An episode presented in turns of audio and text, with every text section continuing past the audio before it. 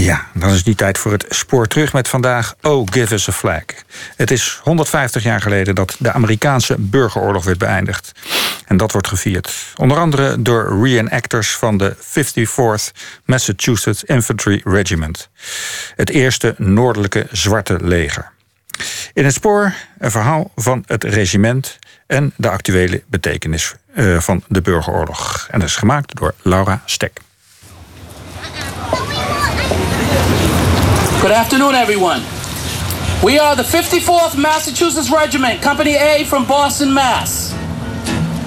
We are here to commemorate the anniversary of the battle at Fort Wagner in Charleston, South Carolina, that happened on July 18, 1863. My name is First Sergeant Gerard Grimes. To my far left is Sergeant Major God save the Union the way it should be won. But old Kentucky swore so hard, Navy had his fears. Till every hope was lost but the colored volunteer. Dit jaar zijn er talloze parades en herdenkingsdiensten die vieren dat er 150 jaar geleden een eind kwam aan de Amerikaanse burgeroorlog. Maar niet voor iedereen is die oorlog een afgesloten hoofdstuk. Die oorlog die is wel gevoerd 150 jaar geleden. Maar een aantal elementen uit die oorlog zijn nog steeds heel erg actueel in het huidige Amerika. En zeker ook voor de reenactors van het 54th Massachusetts Infantry Regiment. Het gaat hen niet zozeer om het naspelen van veldslagen. Ze hebben een maatschappelijke missie. De rol van de zwarte soldaat op de kaart zetten. The history of African Americans has long been maligned in this country. There might be a picture and a caption on a page in a history text that's maybe 500 pages long. Like a footnote. Yes, almost a footnote. Het 54ste regiment is nog steeds maar een voetnoot in de geschiedenisboeken, zeggen de mannen. En dat terwijl de verdienste groot is geweest. Het was het eerste zwarte leger van vrije mannen aan noordelijke zijde. Mannen die wilden meevechten en riepen: Don't exclude me from the conflict here because you think I can't do it. I can do it if you give us a chance. As our song says, we will stand by the Union if we only have a chance. We stand by the Union, we only had our chance.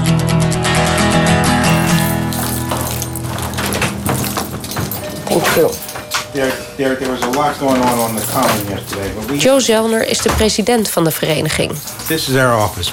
Hij opent een klein volgepropt kantoor in een buitenwijk van Boston en baant zich een weg tussen etalagepoppen, vlaggen, posters en stapels papierwerk. These are items that we've collected. We need a better storage arrangement, but we just tend to put things wherever they fit.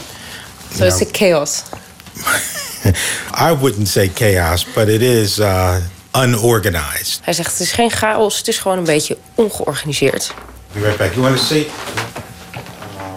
Joe is gepensioneerd geschiedenisdocent en zag op de openbare scholen hoe de geschiedenis van de Afro-Americans vaak werd overgeslagen. Zo ook het verhaal van het 54ste regiment. And, you know, that in itself I don't see as being bad. But if you continue that throughout all of the contributions that blacks make, then that's bad. I mean, the 54th might be dismissed, but that also allows uh, the 332nd in World War One. It also allows the Tuskegee Airmen in World War Two, the Red Ball Express in World. It also allows all the contributions of blacks in the military to be dismissed, and that's discouraging for people of color, for black people who look for themselves in history and don't find them. Als je structureel de militaire bijdrage van de zwarte soldaat uit alle oorlogen negeert, dan is dat demotiverend voor een grote groep mensen, zegt Zelner. Met de vereniging wil hij dat rechtzetten. Bijna als een activist. Not so much an activist, but I am active in trying to present what I think people don't know, and hopefully it'll cause them to scratch their head and, you know, just go, hmm. Gelukkig doet Hollywood het beter dan de geschiedenisboeken. Want wie wel van het regiment gehoord heeft, heeft waarschijnlijk de bombastische kaskraker uit 1989 gezien. Met Denzel Washington, Morgan Freeman en Matthew Broderick. It took a movie to make the general American public aware of the role of black soldiers, and that movie was Glory, which was released in 1989. Het oude beeld van zwarte in de Amerikaanse geschiedenis was dat ze slaven waren en dat ze dus weinig eigen initiatief hadden. En met zo'n film als Glory wordt wel aangetoond dat ook zij eh, streden voor hun rechten en dat het ook echt helden waren. Hè. Tijd voor de introductie van onze Nederlandse spreker. Ik ben Maarten Swiers, uh, historicus aan de Rijksuniversiteit Groningen. En ik specialiseer mij vooral in uh, de Amerikaanse geschiedenis. Shall we have next? Met in het bijzonder een fascinatie voor de Amerikaanse burgeroorlog. Let's have you, Mr. Maine. Het komt eigenlijk voort uh, uit mijn jeugd. Toen was er een, uh, een televisieserie op die heette North and South. Met Patrick Swayze. Het was ik echt acht jaar. Hè. En uh, ik vond die veldslagen vond ik heel mooi. Daarom ben ik ook allerlei dingen gaan verzamelen die te maken hadden met de Amerikaanse burgeroorlog. Playmobil poppetjes, de Blauwblouse, zo'n stripserie. En computerspelletjes. Dus daar is de basis al gelegd. Dus het is allemaal begonnen met Patrick Swayze? ja, ja. Uh, uh, rest in peace. Father thought it was something every southern gentleman should gave me lessons. De Amerikaanse burgeroorlog wordt vaak de Tweede Amerikaanse Revolutie genoemd. Hè? En uh, in die burgeroorlog is eigenlijk datgene afgemaakt wat met de Amerikaanse Revolutie is begonnen. Het was heel lang onduidelijk wat voor soort land Amerika zou zijn. Uh, tot aan uh, het uitbreken van die burgeroorlog. Is het nou een statenbond of een bondstaat? Waar ligt de politieke macht? Ligt die bij Washington of ligt die bij de staten, de deelstaten? En wat gebeurt er met slavernij? Wat is nu de status van, uh, van uh, die Afrikanen die dus naar Amerika zijn gebracht? Dus uh, in de burgeroorlog is daar met dat vraagstuk is, is afgerekend eigenlijk. na de burgeroorlog is de macht van Washington echt duidelijk vastgesteld. Dus Amerika is een centraal geleide federale unie. En slavernij hoort niet in de Verenigde Staten thuis. Maar er ging nogal wat aan vooraf. Een vier jaar durend conflict tussen de Unie, de Noordelijke Staten, en de Confederatie, de Zuidelijke Staten. Met de ruim 600.000 slachtoffers was het een van de gruwelijkste oorlogen uit de geschiedenis. Het was de eerste moderne oorlog in de geschiedenis. Hè? En je had natuurlijk uh, verschillende oorlogen daarvoor. Uh, bijvoorbeeld uh, de Napoleontische oorlogen... waarin nog met tamelijk ouderwetse wapens op elkaar geschoten werd. Hè? En dan, dan, had je dus die, die troepen die zo tegenover elkaar stonden... en dan schoot één kant en dan viel er een paar om aan de andere kant... en dan mocht de andere kant terugschieten. En dat gebeurde nog steeds in de Amerikaanse burgeroorlog. Ehm, maar de wapens waren dus veel beter in die Amerikaanse burgeroorlog. Je kon veel verder schieten met een, uh, zo'n rifled gun, met zo'n musket. En uh, daardoor werkten die tactieken niet goed meer. Dus uh, ze proberen nog steeds ja, de vijand eigenlijk de flank te keren, noemen ze dat dan. En dat moest dan met de cavalerie gebeuren. Uh, maar omdat je met zo'n uh, nieuw geweer veel verder kon schieten... kon je heel makkelijk de, de cavaleristen van de paarden schieten, bijvoorbeeld. Dus wat dat betreft was het een moderne oorlog. De wapens waren modern, maar de tactieken waren nog steeds gebaseerd op die oude Napoleontische tactieken. Wat ook de grote hoeveelheid slachtoffers verklaart eigenlijk. Maar ondanks het bloedige karakter was er één bevolkingsgroep die niets liever wilde dan het bestrijden van de zuidelijke pro-slavernijstaten. Bij aanvang van de oorlog was het alleen uitgesloten dat ook zwarte mannen het leger in konden. There is a nobleness in battle which goes back to medieval times.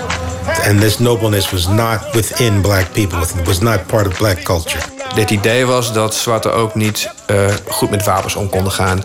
En uh, dat ze lafaards waren. En als ze dan uh, moesten gaan vechten, dat ze dan meteen het slagveld af zouden rennen.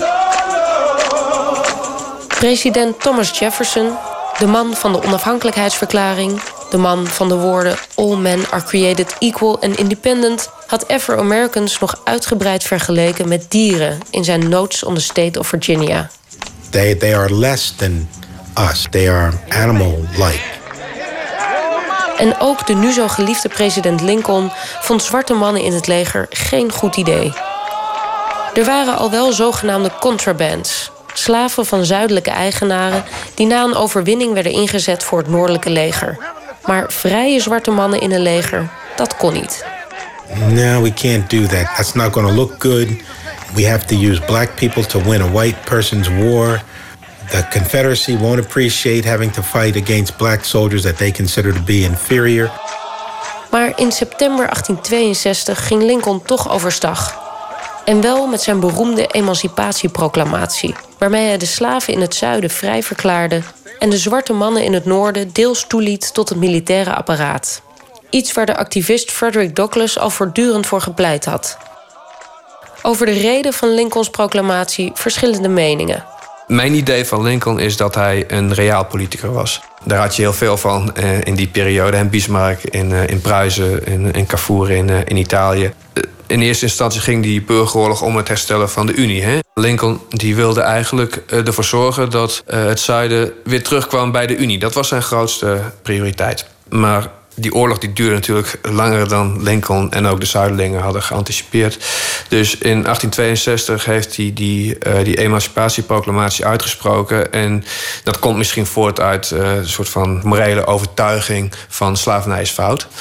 Maar bij Lincoln was het denk ik ook heel sterk van... Eh, als wij ons nu gaan richten tegen de slavernij... dan kunnen we het zuiden echt onder de knie krijgen. Een heel ander karakter krijgt die burgeroorlog dan. Waardoor het zuiden ook veel moeilijker erkenning zou kunnen krijgen van uh, buitenlandse mogendheden zoals Frankrijk en Groot-Brittannië.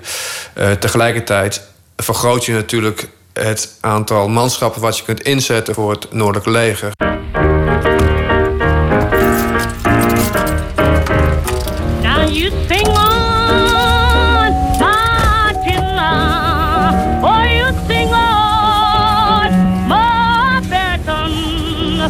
Joe rijdt vanuit het kantoor met zijn open pick-up naar de plek waar het regiment ooit trainde.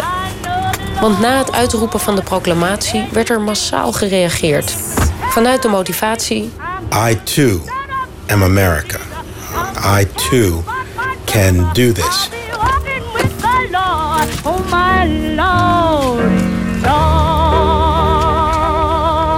This is Mig's playground and uh, the military camp that used to be here 150 years ago. So the 54th was training here, was right training here. here. The camp went from right about here all the way back to the river. And I'm trying to find. Oh, here it is. Here it is. The monument that was placed here to represent what used to be here represents the um, black troops that trained in this area.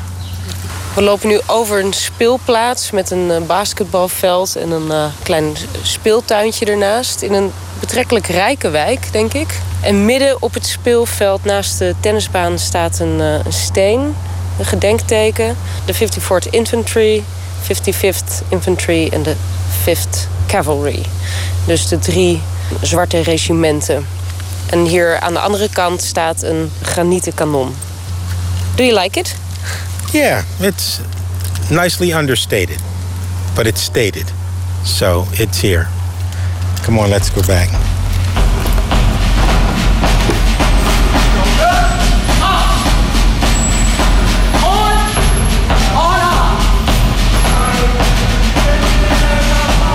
De gouverneur van Massachusetts liet direct na de proclamatie een regiment samenstellen.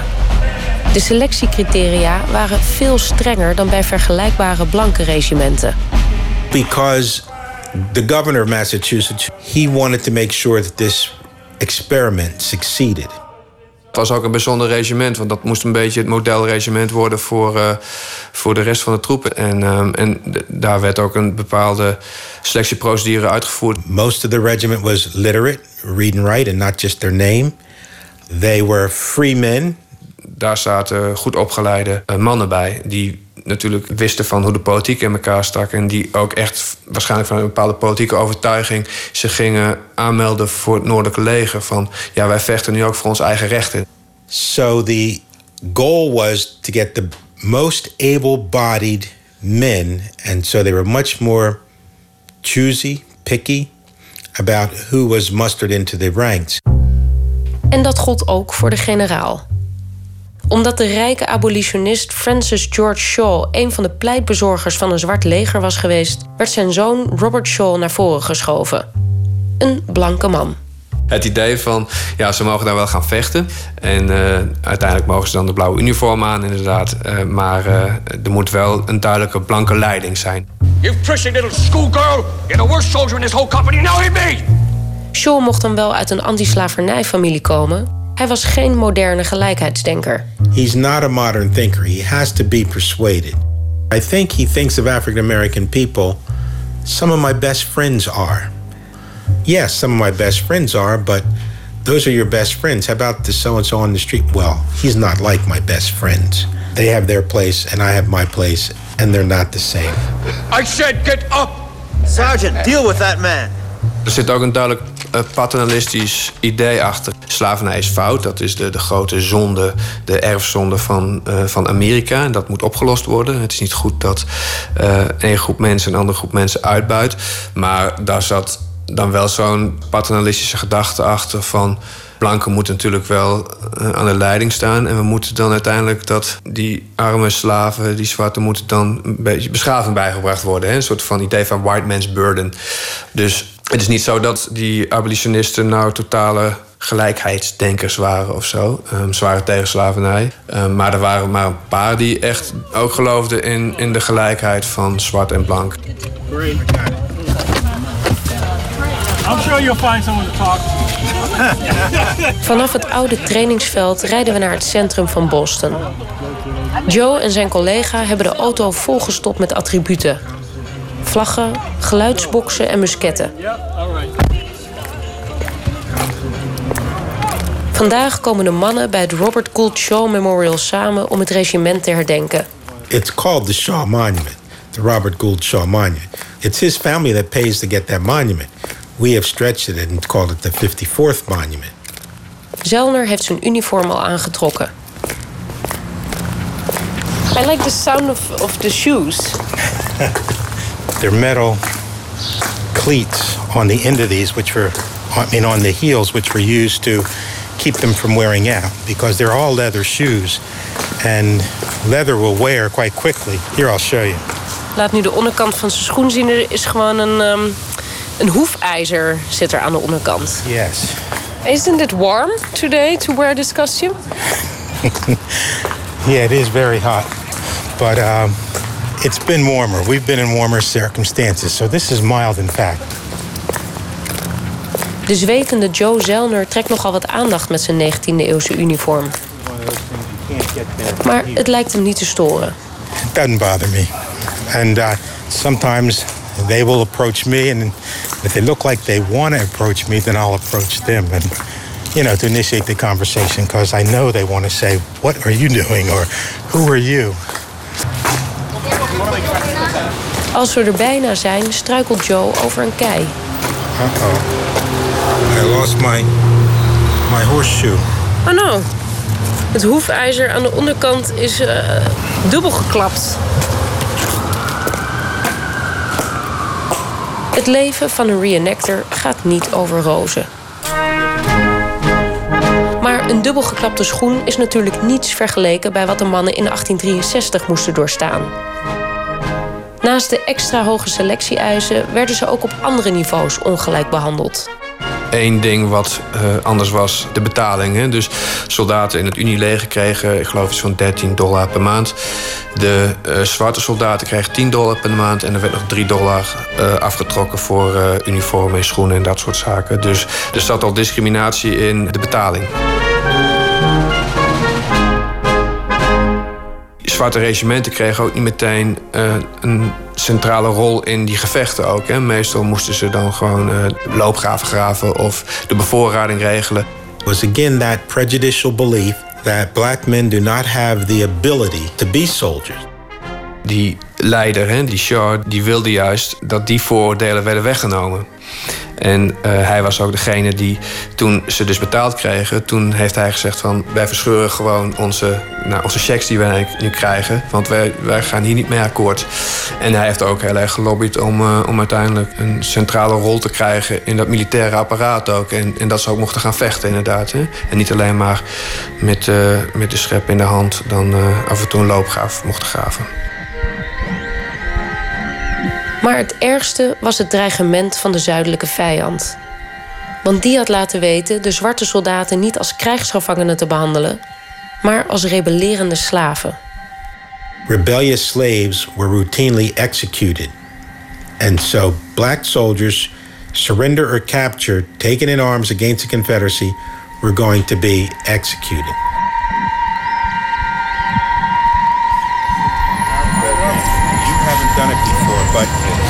This is what people do.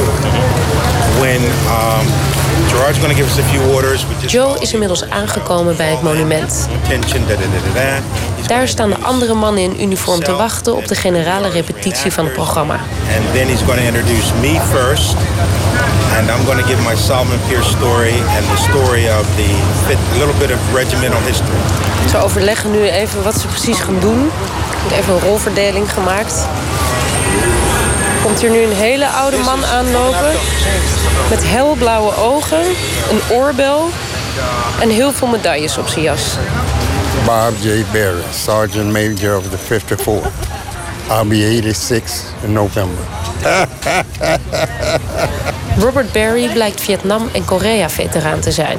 Uh, well, I was in the U.S. Navy, and I did about 22 years there. In 1947 was de segregatie binnen het leger officieel opgezegd door president Truman. En toch werd dat pas veel later doorgevoerd. Barry vocht in de jaren 50 dus nog steeds in een uitsluitend zwarte legereenheid. The black soldiers didn't have nothing good in Korea. And uh, Vietnam, that's when they actually were integrated good in Vietnam. En er zijn meer veteranen die door hun eigen ervaring bij de vereniging zijn gekomen. Zo ook de jongste deelnemer, Khalil Sadiq. Een bevlogen, druk gesticulerende man. For me personally, it's a part of who I am as a person. I wake up with it, I go to sleep with it, I talk with it, I caress it. You know, um, it's important, it's particularly in the times that we live right now. Uh, so when you have these tensions that we have when it comes to racial strife, you talk about the things that happen in Charlestown. You know, even this monument, I, I think, was even like a rebel flag was placed on it. Voor Khalil gaat het over veel meer dan alleen het 54ste regiment. Hij refereert aan de raciale spanningen naar aanleiding van de schietpartij in Charleston, waar een blanke man een groep zwarte kerkgangers vermoordde, met de Confederate flag als symbool. Diezelfde vlag werd onlangs nog op dit monument aangetroffen. So these are all these reminders that we see on an everyday basis. We cannot allow these things to be swept under the rug. You know, and how do you do that? By having events like this. So, you know, it's not just simply reenacting and saying a couple of good words and then going home. No, it's about really doing things that change policy for the better. Ze staan nu allemaal op een rij. De vlag wordt uh, gehezen. Break, break. Break, break to the rear. Mark. We are here to commemorate the anniversary of the battle at Fort Wagner in Charleston, South Carolina that happened on July 18th, 1863. Vandaag herdenken de mannen de slag bij Fort Wagner. Net als de recente schietpartij in Charleston, South Carolina. Het is de slag waar de film Glory Hollywoodiaans mee eindigt. En dat is niet voor niets. Het werd de belangrijkste slag van het regiment. Ja, dat was een, eigenlijk een grote eer. Kijk, dat is misschien moeilijk voor te stellen uh, voor ons tegenwoordig. Van je gaat een frontale aanval uitvoeren op een fort. En daarmee uh, weet je zeker dat heel veel manschappen gaan sterven. Maar juist in die militaire cultuur van de Verenigde Staten en ook van de Amerikaanse burgeroorlog is dat natuurlijk de ultieme test van mannelijkheid. Were you ready, kinda? Dus de, de mannen van de 54th mochten die aanval leiden. Um, een soort van zelfmoordmissie, maar tegelijkertijd een missie waarmee ze konden aantonen dat ze echte soldaten waren. En, en dat ze ook wilden sterven voor hun land en voor de idealen waar Amerika voor staat. Het is ook een belangrijke datum natuurlijk, hè? 17 juli 1863. Gettysburg was 1 tot en met 3 juli 1863. was een verschrikkelijke nederlaag voor het zuiden. De dag daarna, op 4 juli 1863, valt Vicksburg op de Mississippi-rivier. Opnieuw een grote nederlaag. Dus dit was een soort van follow-up van al die grote overwinningen van het noorden. Uh, nu moest uh, ook Fort Wagner dan genomen worden. Het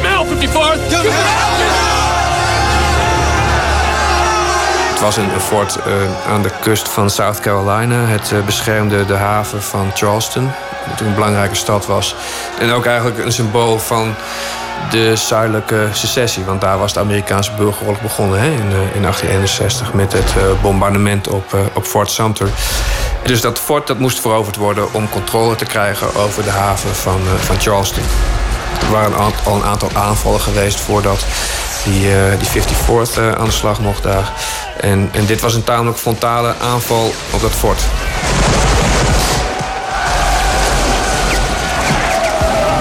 Ze hebben die aanval gedaan en uh, de helft van dat regiment is uiteindelijk ja, daar neergeschoten. Ook de leider, dus, die, die kolonel Shaw.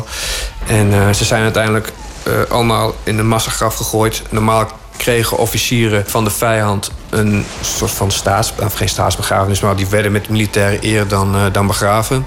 Maar omdat Shaw de leider was van een zwart regiment, zei die zuidelingen: nou, hij mag bij zijn. Uh, you can sleep with some niggers. En toen hebben ze hem ook in het massagraf gegooid. En toen heeft zijn vader uiteindelijk ook gezegd: van nou, dat is ook een goede plek voor hem, want hij vocht ook met ze. Hè? En, nou, daar spreekt dan wel weer een soort van gelijkheidsideaal eigenlijk uit. Met deze aanval hadden ze aangetoond dat ze dus ook heel goed in staat waren om te vechten. It disproved all the things that white Americans had said, assumed, and believed about black people. In the beauty of the lilies, Christ was born across the sea. In the glory of his bosom, Christ transcended you and me. Christ died to make men holy. Let us die to make men free. His truth is marching on. Join me. Glory, glory, hallelujah.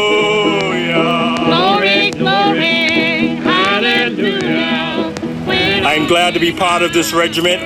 I was interviewed on GBH when we were taking our first trip for the inauguration of President Obama. And she asked, Why do you do this reenacting? And I told her it was a spiritual moment for me. And again today, the spirit of the 54th is alive.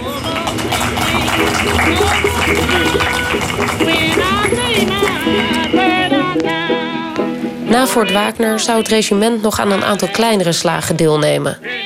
Tot er in 1865 een eind kwam aan de oorlog. Toen werd het tijd om aan een collectieve herinnering te werken. Juist na die Amerikaanse burgeroorlog moesten natuurlijk die secties weer bij elkaar gebracht worden. Hè. Noord en Zuid moesten weer één land gevormd worden. Nou, hoe doe je dat? Dan zorg je ervoor dat de meest pijnlijke punten uit dat verleden worden vergeten. Dus aan die slavernij wordt vooral nou ja, rond de jaren 1880, 1890 heel weinig aandacht besteed. En uh, iedereen was opeens weer een held. De mensen die voor het zuiden hadden gevochten en de mensen die voor het noorden hadden gevochten. Om het een beetje gezellig te houden. Ja, precies. Dus dat was de gedachte erachter van... nou goed, dan besteden we nu minder aandacht aan het hele slavernijverhaal. En uh, gaan we ons vooral richten op uh, nou ja, de heroïek die hoort bij die Amerikaanse burgeroorlog. I know you're asking today, how long will it take? Dat simplistische beeld begint pas langzaam te veranderen tijdens de burgerrechtenbeweging in de jaren 60. From civil war to civil rights. Dus dat er een duidelijk verband is tussen het einde van de Amerikaanse burgeroorlog en die burgerrechtenstrijd die ongeveer 100 jaar later op, uitbreekt. Hè? Dat het opnieuw gaat om het verkrijgen van rechten voor, uh, voor zwarte Amerikanen. Maar de herdenking in het zuiden is dan nog steeds aardsconservatief. 50 jaar geleden was het nog oké dat je in je zuidelijke uniform uh, dan op een paard ging zitten en uh, door downtown Jackson, Mississippi ging rijden aan de, uh, aan de voorkant van een parade. He, dus toen werd er veel minder nagedacht over ja, de racistische elementen eigenlijk die integraal zijn uh, aan die Confederate experience eigenlijk. Hè? Want het zuiden vocht voor slavernij. Oh, I am a good old rebel, now that's just what I am. And for this Yankee nation, I do not give a damn. I'm glad I fought again, I only wish we'd won. I ain't asked any pardon for anything I've done. Dat, dat is nu wel een stuk problematischer geworden. En dat was 50 jaar geleden nog niet het geval. Toen reed de gouverneur van Mississippi dus in zijn zuidelijk uniformpje op dat paard. En uh, dat zal de, de gouverneur nu waarschijnlijk niet meer doen. Of dat heeft hij niet gedaan, laat ik het zo zeggen. Dus dat gebeurt niet meer. Zouden we misschien wel willen, maar ja, dat kan niet meer. Het is Phil Bryant en die, die zou dat uh, op zich misschien nog wel willen. Maar dat, uh, dat, zo slim is het tenminste nog wel dat hij dat niet, niet gaat doen. I caught the rheumatism a camping in the snow. But I killed a chance of Yankees and I'd like to kill some more. Maar juist nu er een debat gaande is over het confederale verleden, maakt dat sommige groepen zich extra verzetten. Dat geeft spanning inderdaad. En dat zie je ook terug in het debat over de zuidelijke vlag bijvoorbeeld. Dat men zegt van ja, het is heritage, not hate. Uh, het gaat over ons erfgoed ook, wat hier nu uh, uh, kapot gemaakt wordt. Maar dan vergeet je dus inderdaad dat deel van de slavernij. En dat kun je eigenlijk niet meer doen op dit moment in 2015. And I don't want no pardon for what I was and am. I won't be reconstructed and I do not give a damn. I files right, left, march. Company. Als je het hebt over de Amerikaanse burgeroorlog, het is nog steeds heel erg actueel. Waar in 1860 omgevochten werd, dat is uh, tot op zekere hoogte nu ook nog het geval. Dan gaat het om de rassenkwestie inderdaad. En uh, tegelijkertijd zijn er nog steeds heel veel, vooral aan de zuidelijke kant van het verhaal, uh, die vinden dat de federale overheid veel te veel macht heeft. Hè? En het is alleen maar actueler geworden nu we een zwarte man in het Witte Huis hebben zitten, waardoor die twee dingen gecombineerd worden. Hold that. Don't get it off the ground. Never get that flag on the ground. You know that as a military man. You know that. I'm Benny White. I am the commanding officer of the 54th Massachusetts Volunteer Infantry Regiment in Boston, Massachusetts. De 70-jarige oprichter van de vereniging, Benny White, kan goed meepraten over die actuele lading van de burgeroorlog. Op het nagespeelde slagveld wordt hij nog regelmatig geconfronteerd met iets te fanatieke reenactors, bij wie de grens tussen verleden en heden niet altijd duidelijk is. The guy comes up and he's almost calling me the N-word. Uh, like I'm I'm a slave and things like that. And my father used to own you and your family and things like that. And I said, to me, that was inappropriate. They use it to show their own racial hatred of who I am as an African American. Ik denk dat heel veel mensen het uh, uh, doen uit ja, gewoon hobbyisme. Uh, tegelijkertijd is het wel zo dat veel Amerikanen juist voor het zuiden willen vechten. Wat natuurlijk een beetje vreemd is. En als je dus weer nadenkt over de geschiedenis en waar het zuiden voor stond. A lot of them feel like uh, the old southern sentiment, especially if you go down south. En dan kun je inderdaad je frustraties als conservatieve Amerikaan of conservatieve zuideling heel goed kwijt kennelijk op, op zo'n slagveld als een uh, zuidelijke rebel. You get the sentiment where the war isn't really over for them. De oorlog is nog niet over. Misschien wel omdat er ondanks die mooie woorden over vrijheid en gelijkheid zoveel ongelijkheid in de Amerikaanse maatschappij zit ingebakken. Hoe kun je zulke hoge idealen hebben en tegelijkertijd zulke verschrikkelijke dingen toelaten als slavernij op je eigen grondgebied? En hoe kun je dat rechtvaardigen? En hoe kun je segregatie rechtvaardigen? En dat debat dat duurt voort en daar is geen eenvoudig antwoord op. En de mannen van het regiment leveren in kostuum een eigen bijdrage aan dat debat. We fought in all the wars in this country. And people should know that. We earned our freedom. It wasn't just given to us. Was on my shoulders. Right, left. Pressure to break or retreat at every turn. Facing the fear that the truth had discovered.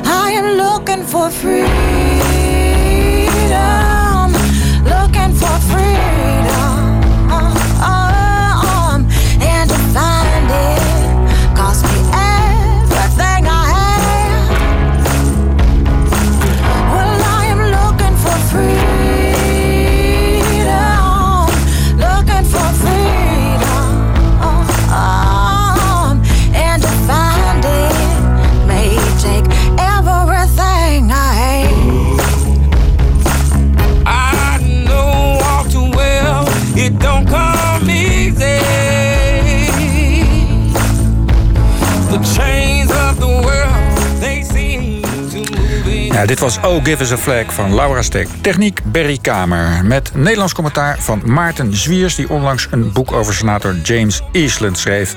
waarin de cultuur van de zuidelijke Amerika ook uitgebreid naar voren komt.